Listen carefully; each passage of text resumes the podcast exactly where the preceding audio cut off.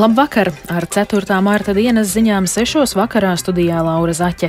Vispirms ieskats tajā, ko vēstīsim. Krievijas spēki cenšas ielenkt Bahmutu, tomēr pilsētu joprojām kontrolē Ukraina. Grieķijā turpinās protesti pret amatpersonu un politiķu nolaidību, kas noveda pie vilcienu sadursmes.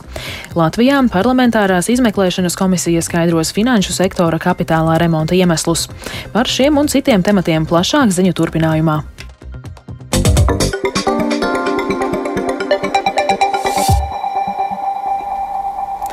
Ukrainas armijas ģenerālštāps apstiprinājis, ka Krievijas spēki cenšas ielenkt Bahmutu un šim mērķim nosūtītas pieredzējušākās Vāgneriešu un armijas vienības. ASV militārās domnīcas kara izpētes institūts analītiķi pieļauj, ka Ukrainas bruņotie spēki varētu atkāpties no daļas šīs Donetskas apgabala pilsētas, kur kaujas notiek jau deviņus mēnešus. Tikmēr intervijā Britu raidsabiedrībai BBC Bahmutas vicemērs Aleksandrs Marčenko paziņojis, ka, lai gan Bahmutā joprojām norisinās smagas kaujas, Krievija pilsētu nekontrolē. Viņš arī piebildis, ka pilsētā vēl ar vienu ir aptuveni 4000 iedzīvotāju, kuri šobrīd dzīvo bez ūdens, elektrības un gāzes. Marčenko sacījis, ka neviena ēka Bahmutā nav palikusi neskārta un pilsēta ir gandrīz nopostīta. Eiropas Savienības dalību valstīm vajadzētu paplašināt bruņojuma piegādes Ukrainai, nopietni apsverot arī kaujas lidmašīnu piegādāšanu. Tā šodien Ļevivā notiekošajā starptautiskajā konferencē paziņojusi Eiropas parlamenta prezidente Roberta Metsola. Viņa arī piebildusi, ka turpinās aicināt valstis piegādāt Ukrainai visu, kas nepieciešams tās uzvarai. Metsola arī izteikusi cerību, ka sarunas par Ukrainas dalību Eiropas Savienībām sāksies jau šogad. Šodien Grieķijā notiek plaši protesti pret amatpersonu un politiķu nolaidību, kas ir saistīta ar traģisko dzelzceļa katastrofu. Līdz šim bojā gājušo skaits ir sasniedzis vismaz 57 cilvēkus, bet vēl desmit joprojām nav atrasti un atpazīti. Dzelzceļa darbinieku arotbiedrība uzskata, ka traģēdiju varēja novērst, ja laicīgi būtu ieguldīti līdzekļi sistēmas modernizācijā. Plašāk mūsu Briseles korespondenta Ārtjuma Konohova sagatavotajā ierakstā. Grieķijas sabiedrībā turpinās diskusijas par šīs nedēļas vilcienu sadursmes iemesliem. Stācijas priekšniekam sestdien bija jāparādās tiesas priekšā Larisas pilsētā. Tomēr viņa advokāts Stefānas Pancertsīdis lūdza to atlikt līdz svētdienai. Υπήρχαν μέσα στην ανάκριση νέα στοιχεία τα οποία δεν είχαμε Lietā ir jauni apstākļi, par kuriem mēs nebijām zinājuši. Šī jaunā informācija ir ļoti nopietna, un tas lika mums pieprasīt mainīt datumu, kad notiks ierašanās tiesā. Tagad tā ir paredzēta svētdien. Šo apstākļu izmantošana ir ārkārtīgi svarīga. Stācijas priekšnieks ir atzinis savu vainu tajā, ka diviem vilcieniem vairāku kilometru garumā tika ļauts atrasties uz vienām sliedēm. Ja šis cilvēks tiks atzīts par vainīgu, viņam draud mūža ieslodzījums. Tomēr parādās arī informācija par citām problēmām, kas varētu būt novedušas pie šīs katastrofas. Stācijas priekšnieks ir ļoti nepieredzējis. Viņš sāka strādāt šajā amatā nedaudz vairāk kā pirms mēneša, pirms tam pabeidzot īsus sagatavošanas kursus. Turklāt viņš savā maiņā strādāja viens, bez pieredzējušu kolēģu uzraudzības, kaut arī bija zināms, ka šajā laikā ir intensīva vilcienu satiksme. Tādēļ tiek pieļauts, ka apsūdzības varētu tikt celtas arī pret dzelzceļa kompānijas vadošiem darbiniekiem, kas atbildēja par darba organizāciju. Savukārt Andrēs Alikanjotis, kas vilciena katastrofā guva nelielus ievainojumus, Grieķu žurnālistiem pastāstīja par sadursmes brīdi. Mēs izsitām logu, kas bija jau ieplīsis. Tad mēs izmetām čemodānus, lai vēlāk uz tiem varētu nolēkt. Un tad uzmanīgi viens pēc otra, vispirms sievietes un smagāk ievainotie, un tad mēs, kas bijām mazāk ievainoti, lēcām grāvi no 3-4 metru augstuma, kur piezemējāmies uz čemodāniem. Glābšanas dienesti joprojām turpina strādāt notikumu vietā. Vilciena vagoni tiek izcelti no grāviem un nogādāti prom. Joprojām nav atrasti un atpazīti desmit cilvēku. Daudzi ķermeņi ir sakropļoti līdz nepazīšanai, it sevišķi tiem, kas atradās restorāna vagona tuvumā, kur pēc sadursmes izcēlās ugunsgrēks. Savukārt tūkstošiem cilvēku turpina iziet ielās Atēnās, Salonikos, Larisā un citviet. Protesti notiek arī pie dzelzceļa kompānijas biroja, Daudzi sanākušie izkliedz tādus saukļus kā slepkavas dzelzceļa kompānijas virzienā. Ar jums Konahaus Latvijas Rādio Briselē. Austrijas galēji labējā brīvības partija cer drīzumā atgriezties pie varas. Pirms rītdien paredzētajām reģionālajām vēlēšanām Karintijas federālajā zemē aptaujas liecina, ka partijas jaunais vadītājs Herberts Kikls ir spējis piesaistīt dažādu sabiedrības grupu uzmanību. Viņu vidū ir cilvēki, kuri nav apmierināti ar pašreizējo situāciju valstī un ar rūgtumu atceras mēģinājumus panākt obligātu vakcināciju pret covid-19, un tie, kuri iebilst pret apjomīgās palīdzības sniegšanu Ukrainai. Turpina Artjoms Konohovs. Austrija kā cietoksnis. Slēgsim robežas, garantēsim drošību. Tas ir viens no Austrijas galēji labējās brīvības partijas saukļiem. Aptaujas liecina, ka šī partija varētu saņemt lielāko balsu skaitu svētdien gaidāmajās reģionālajās vēlēšanās Karintijas federālajā zemē, kas atrodas Austrijas dienvidos.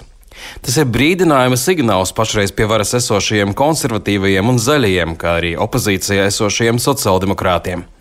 Konservatīvie ir zaudējuši harizmātisko premjeru Sebastiānu Kurcu, un tagad daļa no viņa vēlētājiem pāriet pie brīvības partijas.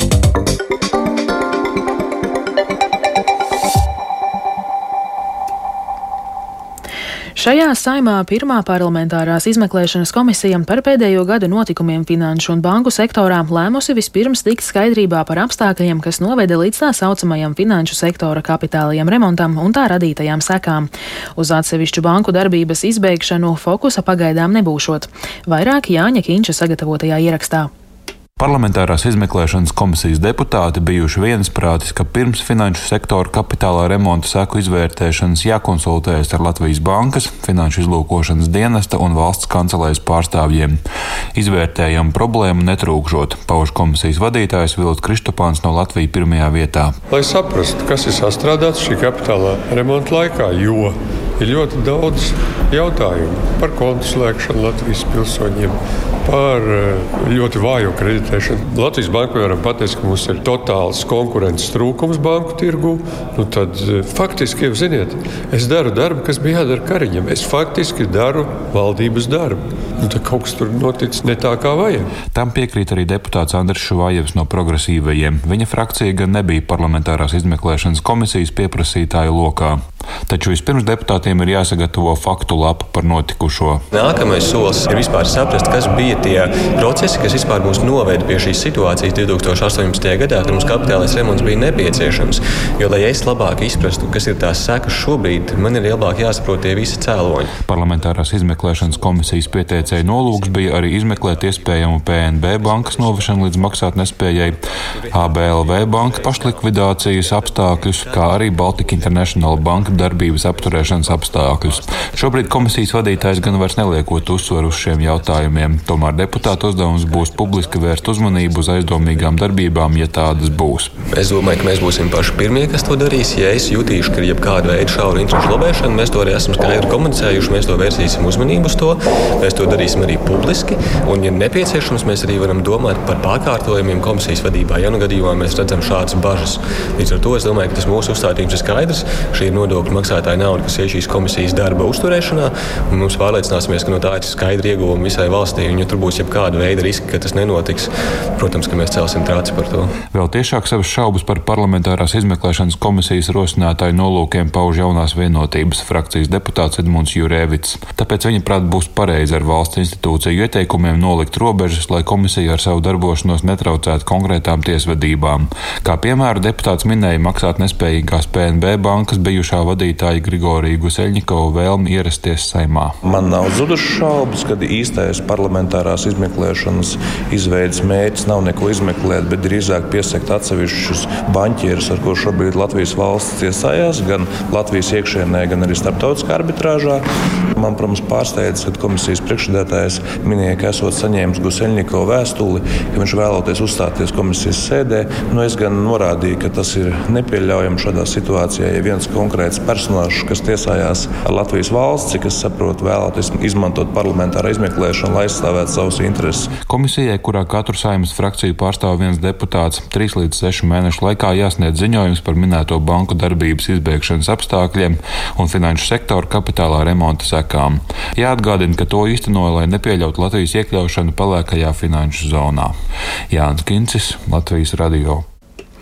Rīgas centrā piketā pret obligātā militārā dienesta ieviešanu šodien pulcējās pārdesmit cilvēku. Viņi devās gājienā no brīvības pieminekļa līdz Oskara Kalpaka piemineklim esplanādē. Piketētāju galveno domu, ka valsts aizsardzības dienestam jābūt brīvprātīgam un jāstiprina esošās struktūras, uzsvēra arī Latvijas radio uzrunātie cilvēki. Es baidos, ka mēs pārvēršamies par mazo Krievijas kopiju Man tas nepatīk. Es gribu dzīvot brīvā valstī, nevis totalitārā. Cilvēkiem, cilvēkiem jābūt izvēlētiem. Mēs dzīvojam 21. gadsimtā. Mums jādomā saviem ar pašam galvam. Vislabākais variants būtu stiprināt Latvijas profesionālo armiju un brīvprātīgo zemesardzi. Jo pat ar visu vēlēšanos izveidot jaunu valsts aizsardzības dienestu, mēs vienalga tajā varam iesaukt tikai 300 jauniešus. Vienkārši instruktoru trūkuma dēļ. Vai tad vispār ir to veidot? Un esot diezgan lieliem NATO spēkiem tepat jau uz vietas. Nē, man nav vispār nekāda iebilduma pret to dienestu, bet saprotiet paši, mans princips ir tāds, ka ja viņi neuzspiestu to obligāto lietu, tad arī aiziet, ja tas nebūtu obligāti.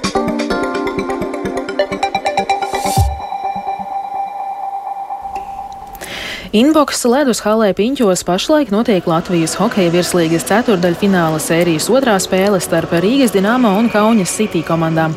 Klātienē atrodas kolēģis Reinis Grunspēņķis, ar kuru esam sazinājušies. Sveiks, Reini! Kā pagaidām aizritējusi spēle? Jā, sveika, Laura, un sveicināti klausītāji no skaļās Inboks Ledus halles. Nu, šobrīd arī otrā trešdaļa šajā mačā, un rezultāts ir 2-1 par labu Rīgas Dienāmo komandai. Pagaidām jāsaka, ka Rīpu vairāk kontrolē Rīgas klubs, taču pirmajā trešdaļā nesekmējās ar bīstamu momentu izveidošanu, un lietuviešiem to pat bija vairāk. Jau 7. minūtē rezultātu atklāja tieši Kaunas komanda, kad pēc kļūdas pretinieku zonā Dienāmo zaudējot Rīpu, lietuvieši izveidoja lielisku pretuzbrukumu, panākot 1-0.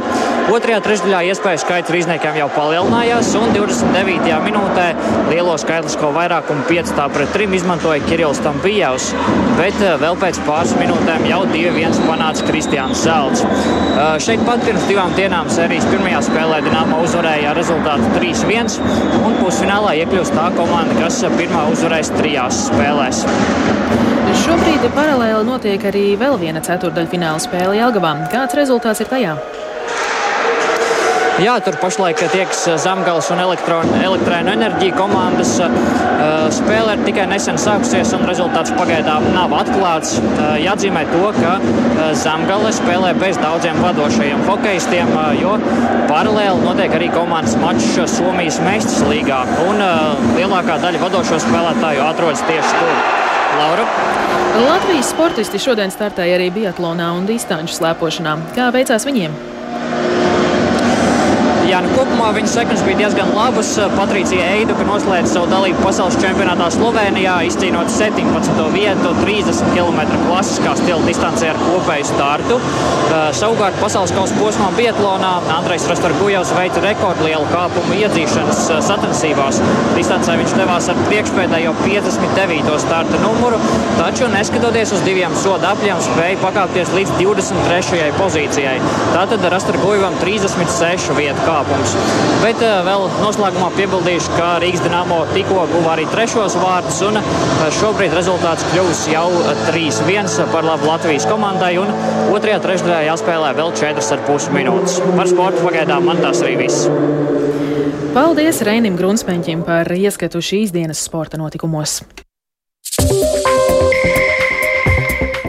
Ar to izskan 4. mārta dienas ziņas. Producents Edgars Kupčs, ierakstus montēja Renāša Steimanis un Kaspars Groskops, pieskaņu pults Mārtiņš Paeglis, bet studijā Laura Zaķe.